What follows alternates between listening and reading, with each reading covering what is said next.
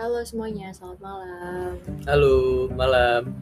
Kali ini eh, podcast Malam di Bar ditemani oleh gestar Siapa tuh gestarnya? bersama Nabil Rama. Halo, halo. Siapa tuh Nabil Rahmat tuh? Nabil Rama ini adalah partner of life. Wih. Partner of life. Dia temen, Temen. Dulu kan temen, Oh iya, dulu temen. temen di sekolah. Iya, semua juga berawal dari teman. Iya.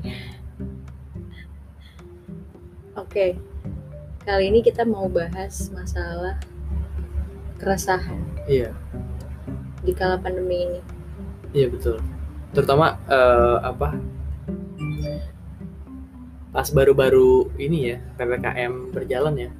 Iya, dua minggu ya PPKM. Iya. Dua minggu berja eh dua minggu rencananya ini akan berlangsung PPKM ini. Dan apa? Baru beberapa hari ya berjalan ya. Hmm.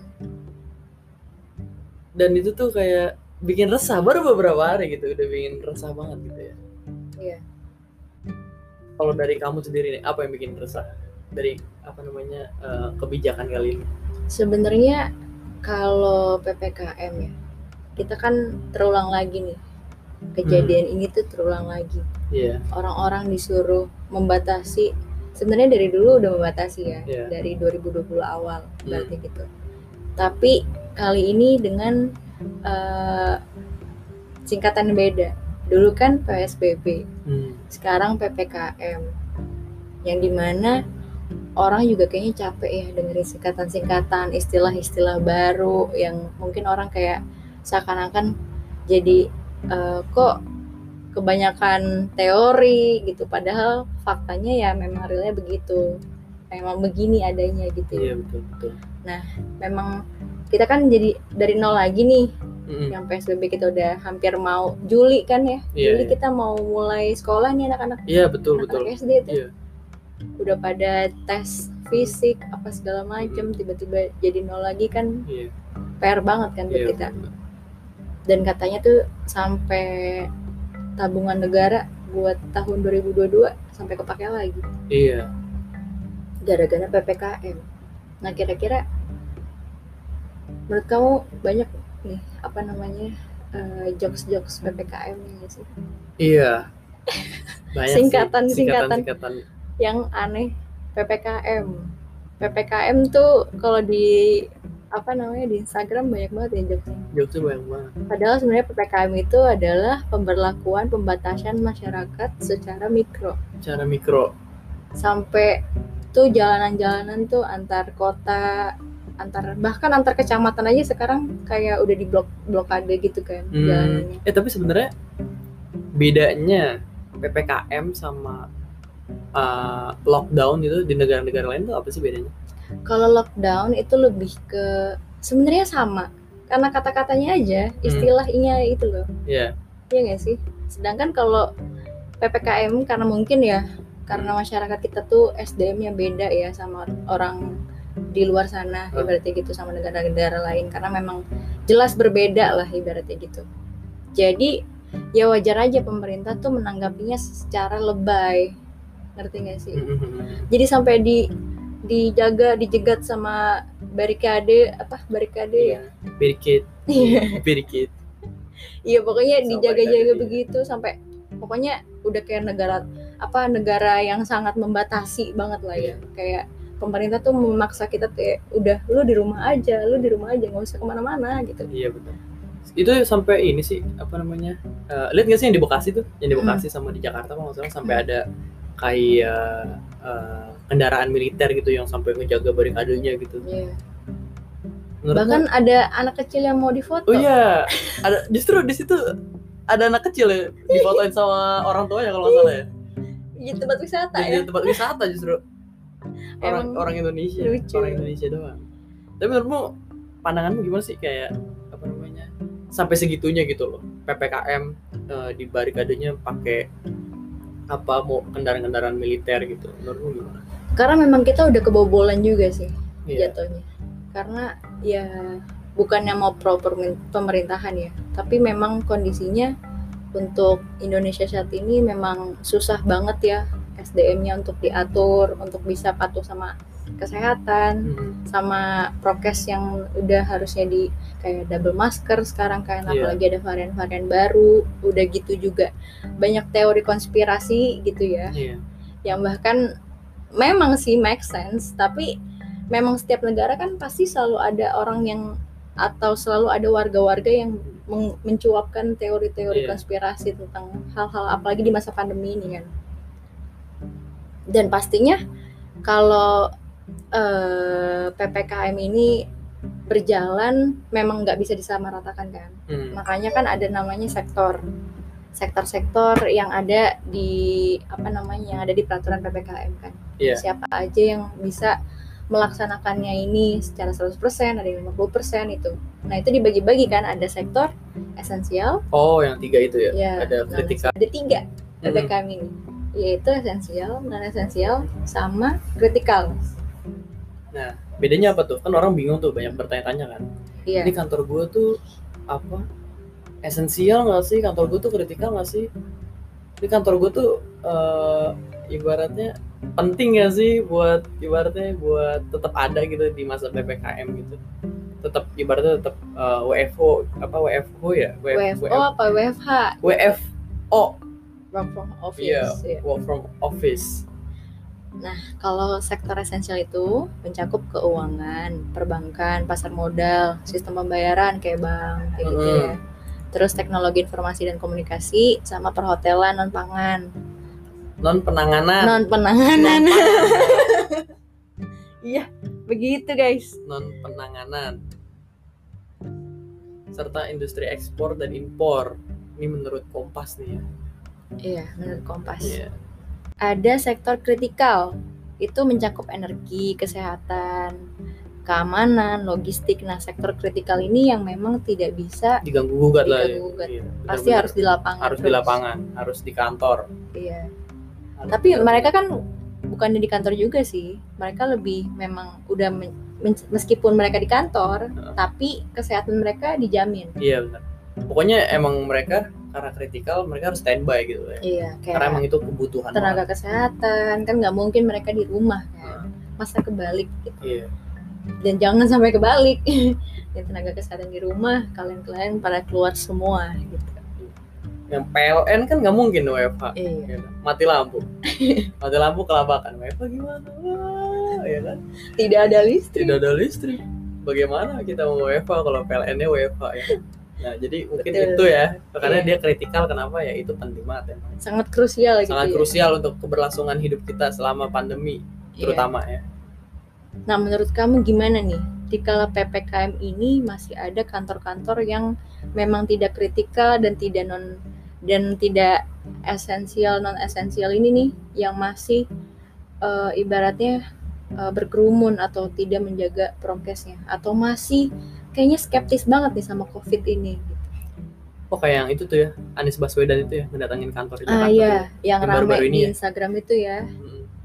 Jadi kayak bener-bener gubernurnya langsung nih yang turun ke jalan yang melihat ke lapangannya oh ternyata ada uh, sektor yang memang harusnya WFH tapi dia malah uh, denial malah kerja di kantor. Iya, malah maksain pegawainya Iya. di kantor ya. Padahal di situ dia bilang meskipun itu udah 25% ya, Mm. tapi dari sampai yang apa tugasnya itu sampai ngitungin uh, kondisi kursinya itu ada sekitar seratusan Hmm. tapi itu hampir setengahnya keisi nah itu kan berarti ada ibaratnya ada pemaksaan nih dari Iya. sisi perusahaan kan.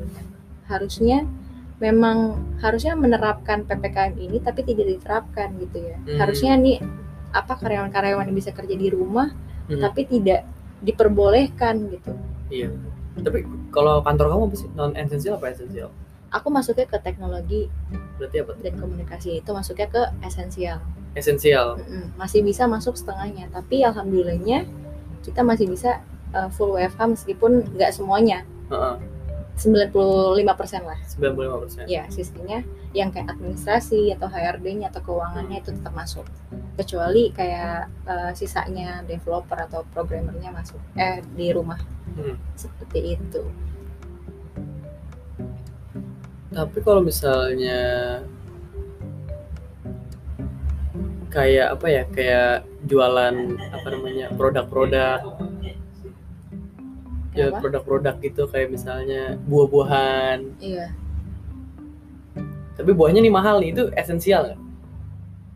Kalau itu kan masuknya bukan eh, buah kan ke kebutuhan ya. kebutuhan kan tapi ini buah-buah yang ibaratnya eh, mahal gitu loh bukan buah bukan buah sehari-hari gitu Itu bisa masuk ke esensial ya. bisa Tapi hanya untuk sebagian. sebagian Mungkin kan ada nih dari perusahaannya sendiri kan punya organisasi kan. iya iya Berarti punya struktur organisasi Hmm. siapa aja yang uh, bagian A, bagian B, Hmm. ada ada yang cuma bagian yang memang di depan komputer aja. iya iya oh iya I gitu. see I see Iya kan? Ah, Jadi ah. memang udah tersektor lah Mm-mm. bagian-bagian mana nih yang wajib ke kantor, bagian-bagian mana yang harusnya memang bisa Hmm. ke- dikerjakan di rumah. Hmm. Harusnya kayak gitu. Jadi nggak semuanya. Ah. Makanya kan ada pembagian 50%, 25% dan sebagainya kan. kan kalau kantorku kan dia jualan ini kan dia jualan apa namanya produk kesehatan Iya.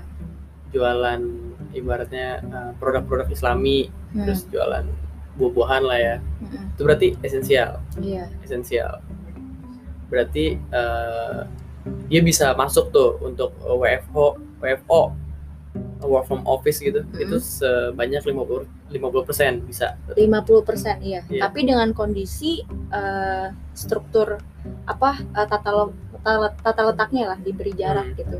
Hmm, Karena kan kita masih bisa menularkan, makanya kan kenapa di, dikurangi hmm, gitu loh.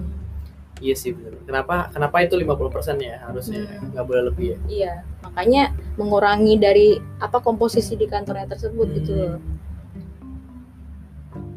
Berarti kan kalau kalau 50% itu eh ibaratnya kan ada ada ada divisi-divisi kan, misalnya ada Benar. produksi, ada segala macamnya, ada Iya. ibaratnya customer service segala macam, Iya. terus ada marketing gitu. Berarti yang harusnya pekerjaannya bisa dibawa ke rumah harusnya bisa dong ya. Iya, Harusnya harusnya harusnya bisa di WFH kan. karena kan cuma dua minggu nih ppkm ini. Ah. Dua minggu disuruh tunggu dulu lah kita sabar dulu dua minggu ibaratnya gitu. Iya. Kita ibaratnya untuk dari segi UMKM kita disuruh istirahat dulu deh dua minggu Iya. karena kan ada bansos ya kan. Hmm, Nah tapi kan persyaratan ban- bansos harus vaksin kan katanya. Iya. Jadi ya bagaimana bisa kita survive selama dua, dua minggu ini? Ya kalau bisa untuk yang memang bisa WFH ya di WFH kan dulu. Iya. Setelah dua minggu lu pengen masuk atau enggak, ya itu tergantung prosedur dan SOP-nya perusahaan itu lagi ibaratnya gitu. Iya benar. Dan dengan ya dengan dengan notabene kalau si eh, karyawannya Hmm. atau si orang pekerjanya ini itu dalam kondisi sehat kayak Hmm, gitu. Iya. karena kan misalkan udah dua minggu kelar nih Hmm. terus tapi tetap dipaksa sama perusahaannya untuk masuk Hmm. Tapi nggak dilihat nih kondisi si karyawan itu lagi baik-baik aja atau enggak kalau dia lagi imunnya lagi kurang terus lagi ada Iya, orang yang memang lagi kurang enak badan kan di di masa pandemi bukannya kita mengcovidkan ya ibaratnya. Tapi secara undang-undang juga eh, apa namanya eh, si rumah sakit itu punya prosedurnya sendiri untuk menangani pasien-pasiennya. Hmm, Jadi mau nggak mau ketika kita lagi ada gejala-gejala yang hampir mirip sama COVID, bukan berarti di COVID kan, tapi ya kita coba tesnya dulu, swab Hmm. test atau uh, swab test antigen atau PCR kan, PCR kan lebih lengkap lagi ya. hmm. Gimana gimana pun pasti harus dengan melalui cara seperti itu. Jadi bukan berarti si para tenaga kesehatan ini mengcovidkan orang, bukan. Iya itu cuman apa ya ibaratnya kayak tindakan preventif ya gitu Iya. ya, pencegahan ya. Betul. Karena eh, kata dokter Tompi pun kalau nggak salah dia pernah mention kayaknya di, di podcastnya Om Deddy deh. Dia pernah mention karena ini COVID kan penyakit baru kan, virus Iya. baru. Terus ibaratnya kita cara menangani cara menanganinya juga baru gitu kan. Iya. Wajar aja eh, ibaratnya eh, gejala-gejala yang ringan-ringan ini eh, ses- sesimpel ibaratnya kayak pilek eh, ringan atau batuk ringan itu udah kayak yang bikin kita paranoid gitu. Hmm, betul. Tapi emang bener, emang emang ibaratnya emang setidak pasti itu gitu COVID Hmm. se- seluas itu kemungkinannya gitu. Emang karena ibaratnya penyakit baru, jadi kita masih mempelajari ilmunya masih berubah-ubah gitu setiap eh, setiap waktu gitu kan Iya. seiring waktu berubah-ubah gitu makanya eh, kata si dokter Tompi dia kalau misalnya mau eh, nyari argumen soal covid tuh dia baca dulu apa artikel di eh, di websitenya WHO gitu. Jadi Iya. dia tahu apa updatean terkininya itu gimana kan soal covid ini. Karena kan ya ilmu baru gitu covid nih ilmu baru penyakit baru gitu. Jadi ilmunya gonta-ganti terus. Tapi kamu tahu nggak yang ada eh, orang tuh nemu ya di TikTok itu,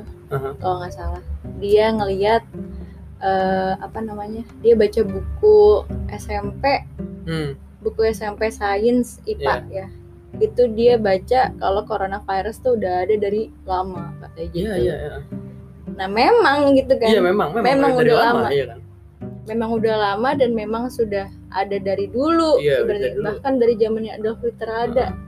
iya udah ada. Kan dulu juga disebut kan ada SARS. Iya. SARS-CoV itu kan Jadi memang COVID ini teman-teman memang ada sejak lama, tapi beda mutasi. Beda Makanya mutasi. kenapa namanya COVID-19.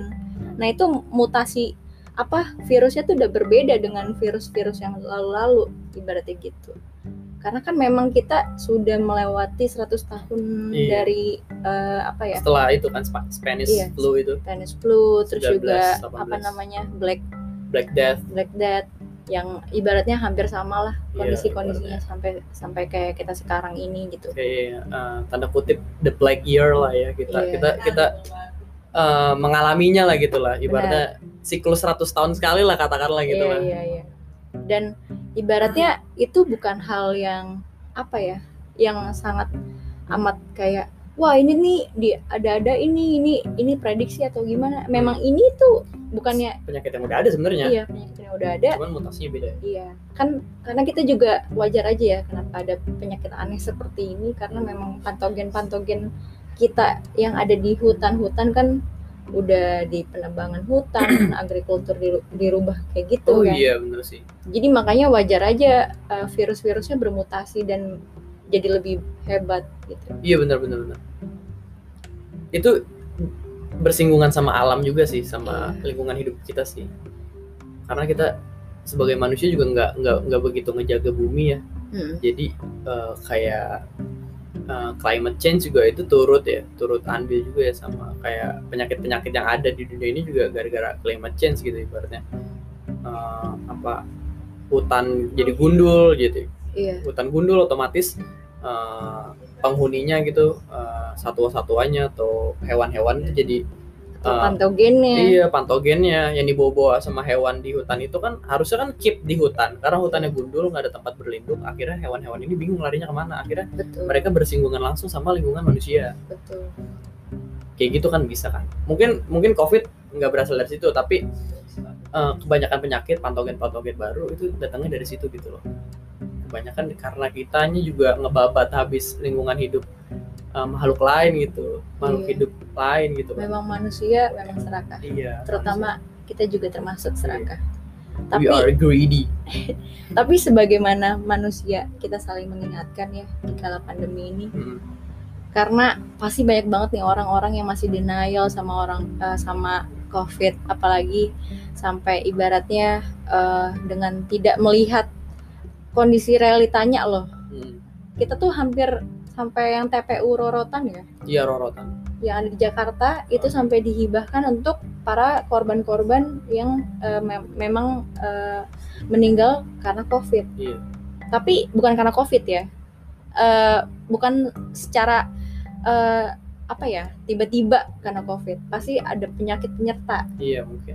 Komorbid. ada komorbidnya. Iya betul, Tapi itu apa? Tadi namanya apa? Rorotan ya. Rorotan. Rorotan itu gede banget sih. luas banget. TPU-nya gede banget. Tadi kita lihat di mapsnya juga luas iya, banget ya. luas banget sih. Kayak kayak di zoom dari atas pun kayak masih gede banget tuh apa landnya gitu. Dia bahkan sampai bisa menampung 6.000 Tujuh ribu. 7.000 Tujuh ya. ribu dan sekarang udah keisi seribu bayang. dan hampir ada 10 sampai 20 menit Iya, 10 ambulans eh, yang iya. masuk. Setiap 10 sampai 20 menit tuh Iya. ada ambulan yang masuk. dan itu kadang masih denial nih sama orang-orang aku kadang sampai nggak habis pikir gitu ya. Mm. nggak habis pikir sama orang-orang yang pemikirannya tuh kok sampai bisa berpikir kita mengcovidkan Hmm, sampai berpikir kayak "Eh, ini mah nakut-nakutin. Iya nakut-nakutin. Apalagi di di share tuh yang kayak gitu tuh. Hal-hal kayak gitu yang rorotan penuh dengan eh, wajah atau dengan eh, mayat-mayat iya. Covid ibaratnya gitu. Itu iya. itu kan menakutkan menakut-nakuti enggak itu kan realitanya seperti itu Iya. kita harus memunculkan realita sebagaimana mestinya gitu kan Iya.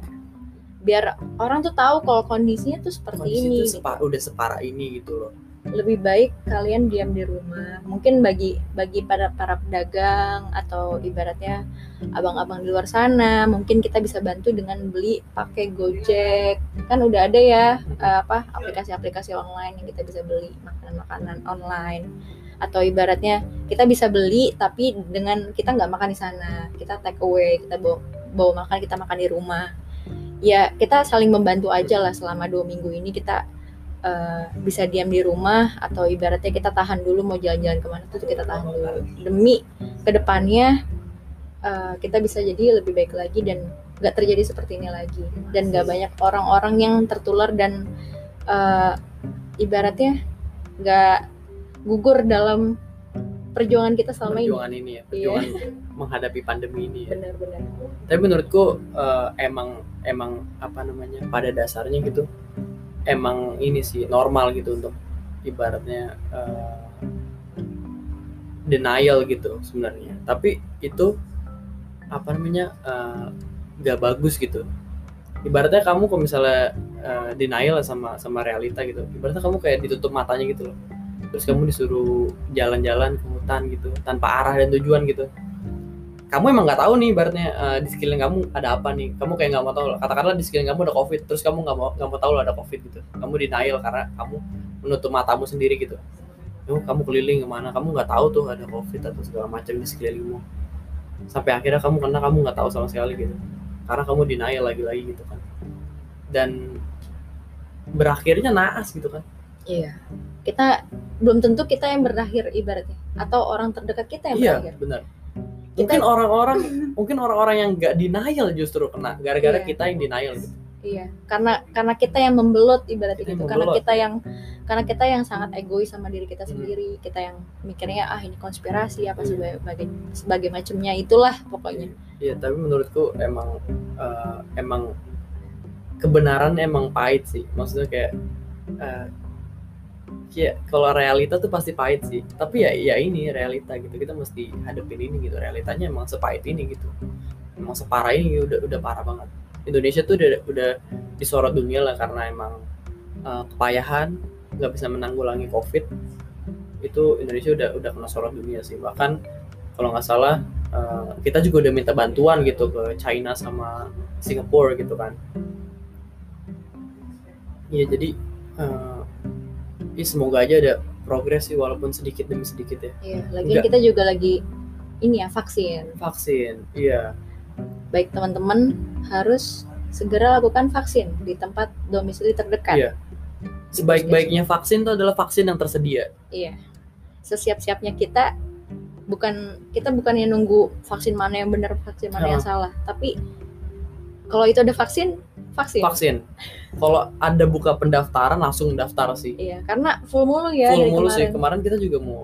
Banyak yang antusias juga, banyak yang ibaratnya warga-warga juga memang udah mulai mengerti dan memang paham kondisinya. dan Jadi iya. Dan buat anak-anak ibaratnya anak-anak eh, millennials gen gen Z gitu. Iya, gener- generasi digital native gitu kan. Eh, kalau kita mau ibaratnya mensukseskan nih melawan pandemi ini vaksin vaksin. dan ajak orang tua sih Iya. edukasi orang tua itu penting sih Karena memang orang tua kan yang lebih rentan ya. lebih rentan dan, dan, memang lebih banyak bebel ya penyakitnya juga.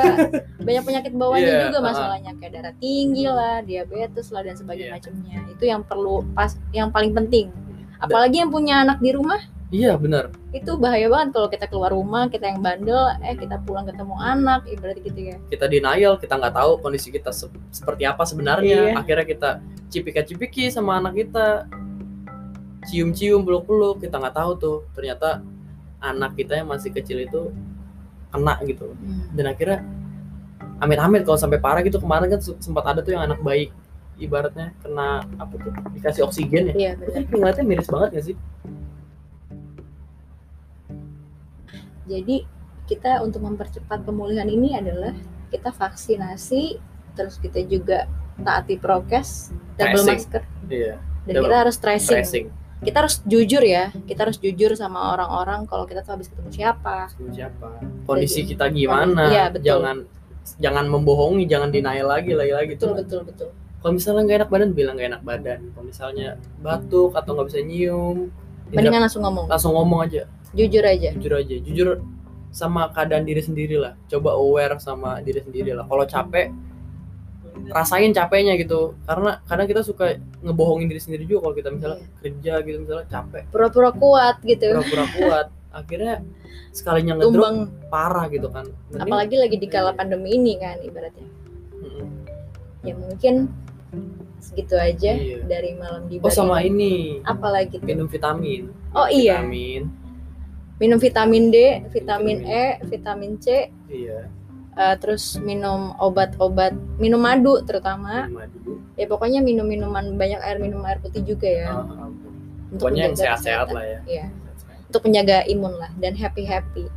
Di kala ini mungkin kita nggak bisa terlalu happy, tapi kita juga nggak bisa terlalu eh, apa namanya terlalu, takut juga. karena depresi sih kalau terlalu Mm-mm. takut ya Ya semoga eh, teman-teman bisa mendapat hikmahnya dari podcast kali ini. Semoga kalian sehat selalu. Iya, semoga kalian uh, bisa mendapatkan pencerahan dari sambat kita kali ini Meskipun agak random ya. agak random. Karena emang ini udah keresahan banget sih. Jadi Oke. ya udah, ini adalah ibaratnya medium terbaik lah untuk menuangkan keresahan. Jadi kita bikin podcast lah. Iya, siap. Oke, kalau Iya, gitu udah. terima kasih teman-teman. Bye bye, selamat malam. Selamat malam, Malam di bar malam di bar. Dadah. bersama Aulia Sama- dan Nabil. Iya. Bye bye. Bye bye.